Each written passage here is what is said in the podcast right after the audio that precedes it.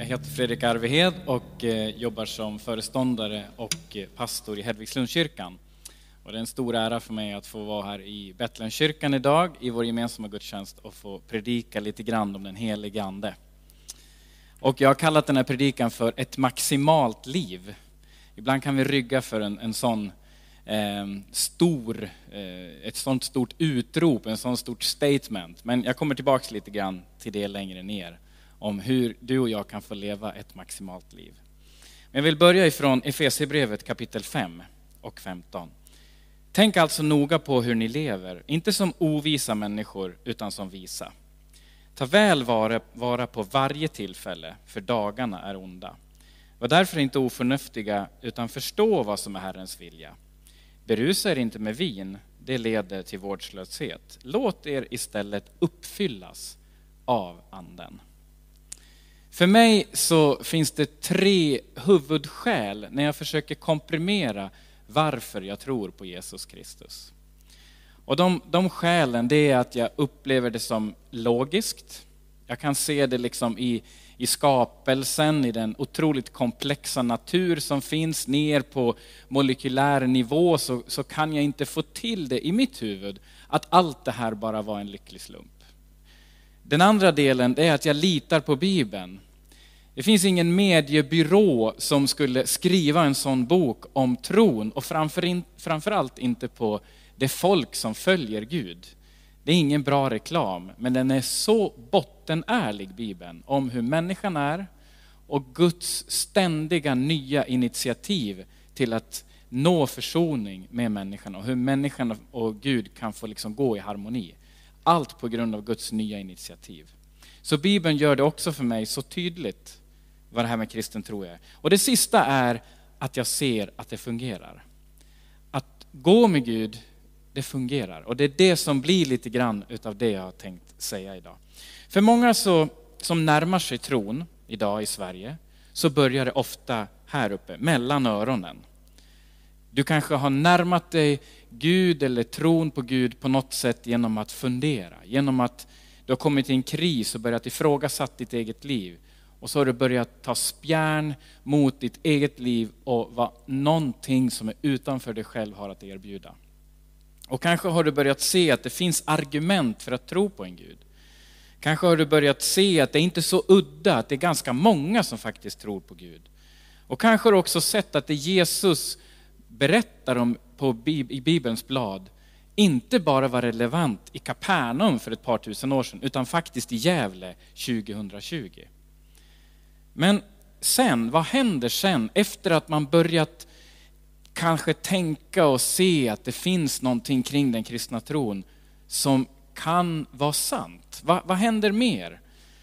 Jag tänker så här, hur kan, hur kan tron gå ifrån platsen mellan dina öron ner i ditt hjärta så att det händer någonting med dig som, som förändrar dig, dina värderingar och, och ditt liv och sen fortsätter ut i händerna? Hur kan tron bli liksom påtaglig och konkret i ditt och mitt liv?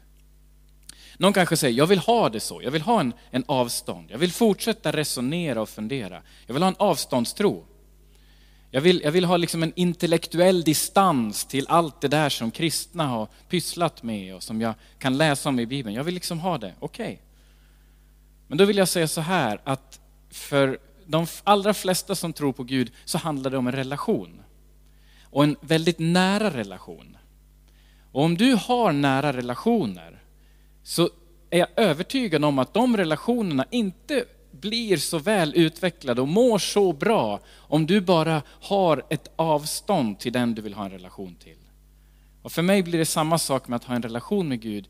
Det måste hända någonting i mitt hjärta för att jag ska kunna ha och känna någonting, inte bara resonera och fundera kring min tro. I en kurs som många, många människor har gått, faktiskt runt om i världen, en introduktionskurs till, alf, till kristen tro, eh, den heter Alfa. Det finns många andra, men det här är ett av de koncepten som kanske är mest välspritt. Där tar man upp tre hela sessioner om just den helige Ande. Det är en kurs som är omkring tio gånger och så tar man faktiskt hela tre gånger till att fördjupa sig kring den tredje delen i gudomen. Den helige Ande. Och de tre frågor som bland annat finns med i den kursen, det är vem är den helige Ande? Vad gör den helige Ande och hur kan jag bli fylld med den helige Ande? Och vi hinner inte nu i en kort predikan gå igenom alla dessa, men jag tänker bara ta en liten, en litet hopp ner i varje del av de här frågorna och försöka landa någonstans i hur vi kan ta emot mer av den helige Ande. För det första så, så sa Jesus när han började, jag behöver mer av den helige Ande. Åtminstone agerade han på det sättet. Och du kan läsa om det i Lukas 3 och 21. Det står att när allt folket döptes blev även Jesus döpt. Medan han bad öppnades himlen och den helige Ande sänkte sig över honom i fysisk gestalt som en duva. Och från himlen kom en röst, du är min älskade son, i dig har jag min glädje. När Jesus skulle börja agera och agera ut Guds kärlekstanke med allt folk på hela jorden, då gjorde han det genom dopet i vatten. Och så fick han ta emot den helige Ande i form av en duva. Och så kunde han börja agera. Då vill jag bara kort säga någonting om vem är nu den helige Ande? Det finns olika beskrivningar om den helige Ande i Bibeln. Och eh, några, jag bara nämner tre. Han nämns som hjälparen, han nämns om kraften och han nämns som advokaten, någon som försvarar dig. Men Johannes av korset, han, han skrev en del texter, bland annat när han var fängslad. Och han skrev om den helige ande, så skrev han på ett ställe, din anda som jag andas. Han vände sig till Gud och liksom uppfattade Guds egen andedräkt som den helige ande. Och han, han ville själv liksom få vara en mottagare av Guds andedräkt in i sitt eget liv. Och det här kan du se också i själva skapelsen. Du kan se det på de första, första kapitlen i Bibeln där Gud skapar himmel och jord. Så kan du se i redan andra versen att Guds ande fanns över vattnet. Och så kan du bara lite längre fram se att, att Gud talar ut. Ljus blir till. Eller var det ljus som det står. Och liksom genom Guds andedräkt och, och så, så skapas någonting ur ingenting. Och det här är någonting som är så tydligt för den heliga Ande, att det blir någonting av det som inte är någonting. Det, det skapas någonting nytt i dig och mig och i den situation som du och jag står i. Så finns det en möjlighet som du inte själv kan räkna ut. Det handlar inte om att få ihop algoritmen eller matematiken, utan det är någonting ur ingenting som kan bli till. Så Guds ande direkt när han talar ut, Johannes i början på Johannes evangeliet säger också att ordet var Gud och där berättar han om Jesus. Och så ser vi igen att Gud är treenig. Det finns liksom en treenighet. Och då vill jag säga så här att det handlar inte om en tredelad Gud som vi tror på. En del säger att vi kristna har tre gudar och det blir bara konstigt och komplext. Men det handlar inte om en treenig Gud, utan det handlar om en inte en tredelad Gud, utan en treenig Gud. Men vem är då den helige Ande? Jo, det verkar som det är Gud själv, som Jesus behövde och som du och jag behöver. Men vad gör då den helige Ande? Någon har sagt att han ändrar allt och ingenting.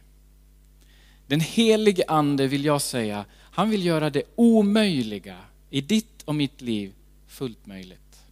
Han vill föra in i ditt och mitt liv någonting av det som är supernaturligt i, den engelska, ehm, i det engelska språket, som i, vår, i vårt språk översätts med övernaturligt. Någonting som är supernaturligt, så naturligt så att det bara är Gud som kan göra det. Det skulle han kunna göra och kan göra i ditt och mitt liv.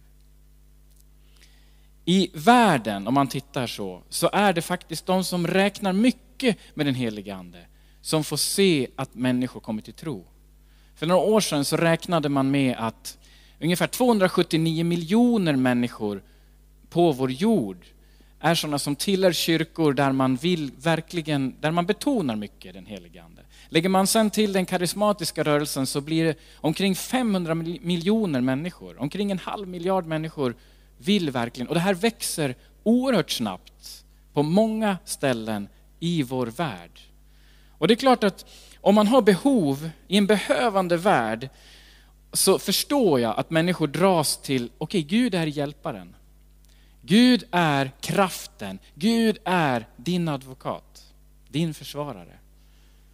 Och det är klart att om man tänker att om Gud nu genom den heligande kan hela min moster, då lockas man.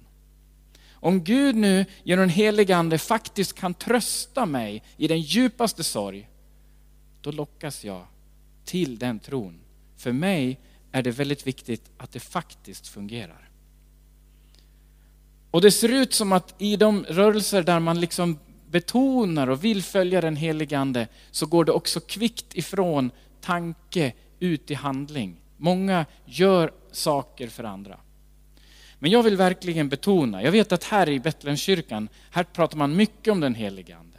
Man har fått se många helanden där människor lämnar ifrån sig kryckor och gått härifrån helt hela. Och jag vet att man under det här året läser väldigt mycket om vad den helige Ande gjorde i den första församlingen i Apostlagärningarna.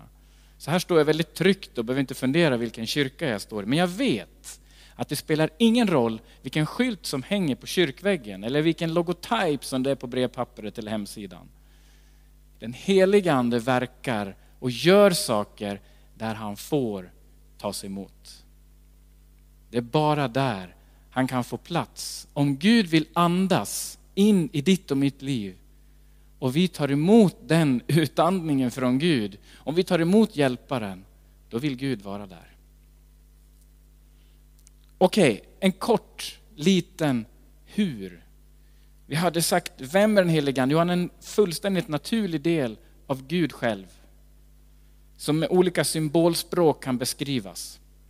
Vi har sagt att, att den helige Ande gör någonting som är möjligt där det är helt omöjligt. Det är Gud själv som agerar genom människor och i människor. Men hur kan jag bli fylld av den helige Ande? Och då läste Patrik tidigare i gudstjänsten från Johannes 7 där Jesus ropar ut, kom till mig och drick. Och just där så, så fick vi ytterligare en symbol av den heliga Ande, vi fick vattnet. Och det är också en av de symbolerna. Och då bara frågar jag till dig, och jag frågar till mig själv, är vi törstiga? Är vi i behov? Är vi törstiga? Är vi sådana att vi är beredda att dricka av Gud? Djupare av Gud. Och då kommer vi in bara kort till en fundering.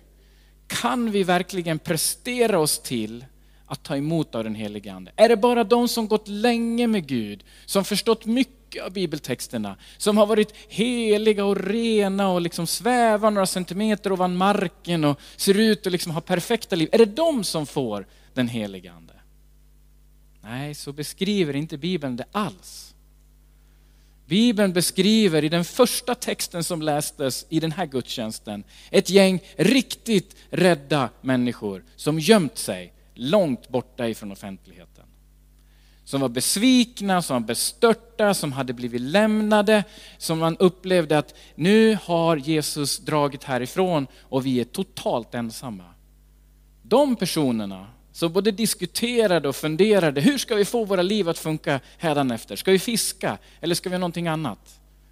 Där vände man sig till Gud, öppnade sitt hjärta, sina hjärtan och så kunde Gud starta någonting genom den Helige ande på ett mirakulöst och fantastiskt sätt. De tolv, eller elva blev det, och så ersattes den här som, som ju förrådde Jesus med en annan person. De tolv, de fick i sin generation gå ut med evangelium till stora delar av den då kända världen.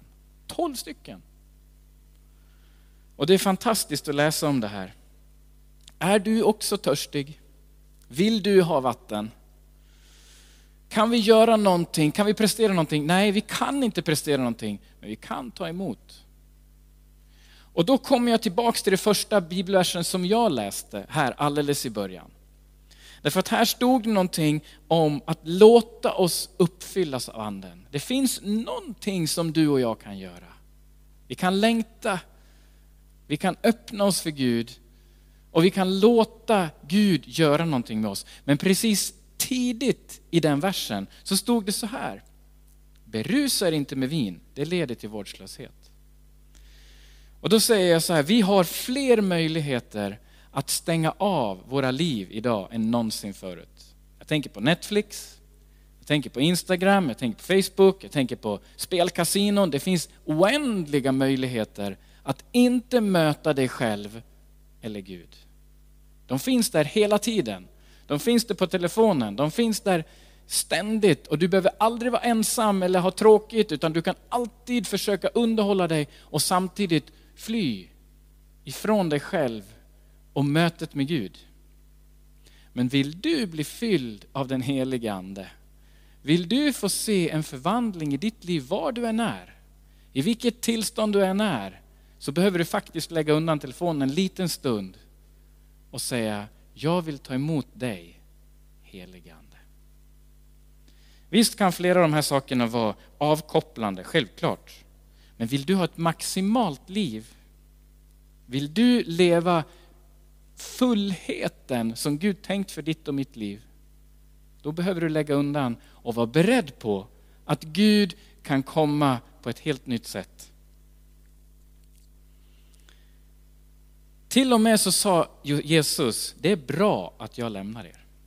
För då kan hjälparen komma till er. När jag går bort ska jag sända honom till, det här säger, han, eh, säger han i Johannes kapitel 16. Och, och då, då, förstår vi att den helige Ande är så viktig. Det här är inget krav på dig. Du kan fortsätta leva som du lever. Du kan leva med att veta att Gud finns där. Men tänk om du och jag skulle våga ge efter lite grann på kontrollen av vårt eget liv och låta Gud ta över. Vad händer då? Nu vill jag bara visa att det här kan vara du och jag. Riktigt torra kan vi känna oss. Riktigt tomma kan vi bli. Och bilden på vattnet som jag har framför mig här, det sa vi kunde vara en bild av Gud själv och den helige Ande. Och du kan vara riktigt nära Gud. Du kan vara nära honom, men du är fortfarande inte genomträngd av Gud. Du har fortfarande lite kontroll på ditt eget liv. Och det jag vill betona är bara det att du kan ge efter, låta Gud göra någonting nytt i ditt liv. Det du inte sett. Du kan behöva låta svampen, ditt liv, liksom krama ur det som finns i dig på något sätt att ge upp och fyllas av vatten och liv. Det finns en möjlighet att få leva ett maximalt liv tillsammans med Gud. Jag har sett att andra har gjort det. Jag har själv haft tider i mitt liv där jag har liksom gett upp mina egna planer och tankar om hur livet med Gud ska vara. Har fått se hur Gud har kommit med tröst i de mest omöjliga situationer. Kraft när det varit totalt kraftlöst. Och jag vet att det är bara Gud. Jag kan bara säga för mig själv, jag vet att jag har levt med en konflikträdsla i mitt eget liv. Men genom den heliga Ande har jag fått möta mig själv och se, jag behöver ta ansvar. Jag behöver i Guds kraft möta människor exakt där det skaver. Ett maximalt liv, då tänker inte jag på det snyggaste flödet. Jag tänker inte på den fräschaste, snyggaste villan. Jag tänker inte på den största båten. Utan jag tänker på att låta sitt eget komma ut ur, ur livet och fyllas med Gud, vart än det bär. Då kan grannen få en hälsning ifrån dig. Ifrån någonting som du inte själv kan räkna ut. Kanske barnbarnet kan få bli bett för på ett nytt sätt. Kanske någon annan i din närhet kan få uppleva helande. Därför att, inte för att du är duktig, utan för att Gud använder dig. Den helige Ande vill öppna någonting nytt i ditt och mitt liv för att hans fullhet ska få fylla din närvaro. Och nu har jag några ord som jag upplevt när jag förberett. Och jag bara talar om dem. Jag tror att du finns med som har en stor oro för din egen mamma. Det är någonting, kanske har det med covid-19 att göra. Och jag bara vill hälsa på något sätt ifrån Gud att, att Gud har det här i sin hand. Hur den går så har Gud allt i sin hand. En annan sak är att jag upplevde nu när jag förberedde mig att det fanns en man som är med på den här gudstjänsten och du har stora smärtor i vänster fot. Och jag skulle vilja få be för dig. Jag skulle vilja be för er två att den helige Ande gör det jag inte alls kan göra.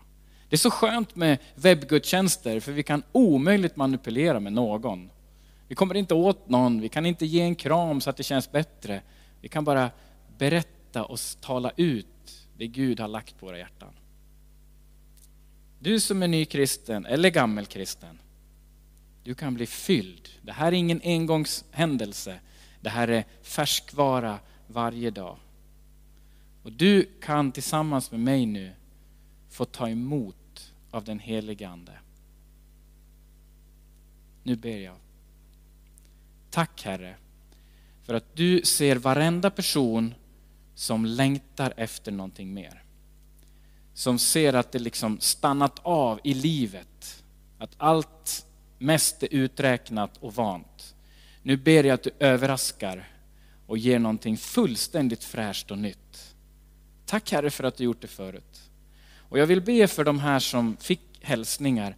Kom Herre och gör det nya som du tänkt i deras liv.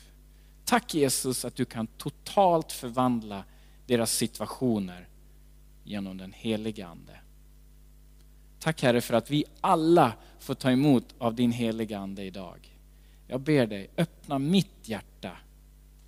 Öppna mitt liv. Och jag ber för varenda en som också tittar. Låt det bli någonting nytt i våra liv av din fräschhet. Tack för hjälparen, tack för försvararen, tack för kraften, tack för vattnet och tack Herre för din utandning till oss. Vi vill nu andas in dig. I Jesu namn.